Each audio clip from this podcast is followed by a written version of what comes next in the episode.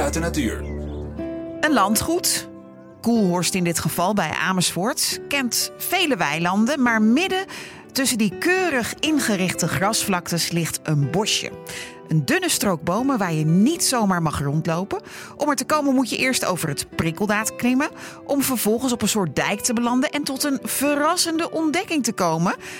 We maken deze unieke wandeling ik ging de tocht aan met toestemming vooraf, dat gezegd hebbende, en werd rondgeleid door natuurkenner Embert Messelink. Groot nieuws uit de natuur over de vos en de das. We lopen hier op een van de dwarsdijkjes die uiteindelijk op de Eem uitkomen. Het is een waar avontuur om hier te komen, zeg. Wel een beetje een avontuur, dat klopt. En die hond? Die uh, zit hopelijk vast. Geen garantie. Dit, is, uh, dit dijkje is uh, ook aangelegd in de tijd van de Grebbelinie.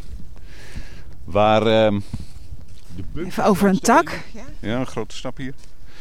De bunkers langs de Eem moesten ook bevoorraad worden. het gebied hieromheen was onder water gezet. Om de verdediging zo sterk mogelijk te Hé, hey, wat zie ik daar? Een haas? Ik denk een haas. Goed gezien. Ja. Maar ja, de mannen moesten natuurlijk wel eten. En er moest materieel uh, naar de dijk worden gevoerd. Dus daarom had je dwars door dat uh, onder water gezette gebied ook dwarsdijkjes. Dat was eigenlijk de aanvoerroute voor, uh, voor militaire auto's en dergelijke. dus die reden hierheen. hierover naar de Eem toe. Ehm, en om, om de mannen te bevoorraden. En, en, en dat onder water, uh, wat zie je daar nu nog van? Wat merk je daar nu nog van?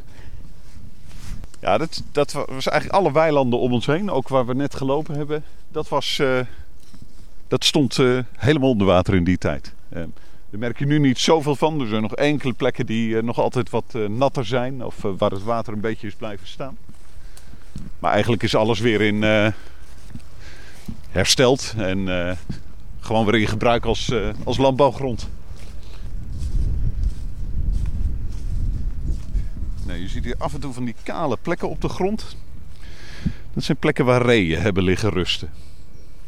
Dit is echt rustgebied, stiltegebied. We lopen er nu voorzichtig een stukje in, maar niet te ver. Want dan bewaren we de rust ook een beetje. We hebben hier nog twee grote zoogdieren. De das en de vos. En uh, van de das is, is niet helemaal zeker of hij er nog zit. Hij is de laatste jaren niet meer gezien. Maar die, uh, die kwam hier voor. En de vos die zit er zeker nog. Gaan we hem zien? We gaan hem niet zien. Tot zover. Dat is me al die keren dat ik hier rondliep, denk ik, twee keer gelukt. Um, en dan zie je dat zo'n vos is uh, ook heel veel uh, s'nachts actief. Um, en overdag zit hij, uh, zit hij goed weggedoken in zijn hol. En dan is dit de plek. Ik zie een, uh, ja, een hele grote inkeping. Het ziet er bijna uit alsof een kleine graafmachine aan de gang is geweest. Laten we even kijken in dat vosselhol. Dit lijkt me de hoofdingang, denk je niet? Is die, ziet het er bewoond uit? Ja, ik zie uh, kaal zand. Um, ik zie niet echt pootafdrukken, maar dat komt ook omdat er heel veel dor blad overheen ligt. Maar dit ziet er wel bewoond uit. Ik denk dat hij daar diep van binnen met zijn oren gespitst naar ons zit te luisteren.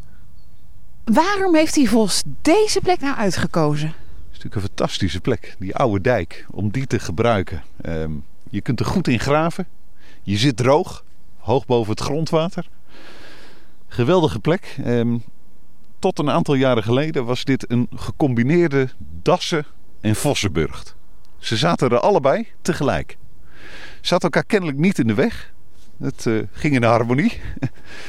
dus um, om te monitoren wat er echt zit, uh, hangen we hier dan wel eens een camera op. Een soort infraroodcamera in de boom die uh, aanslaat zodra die beweging registreert.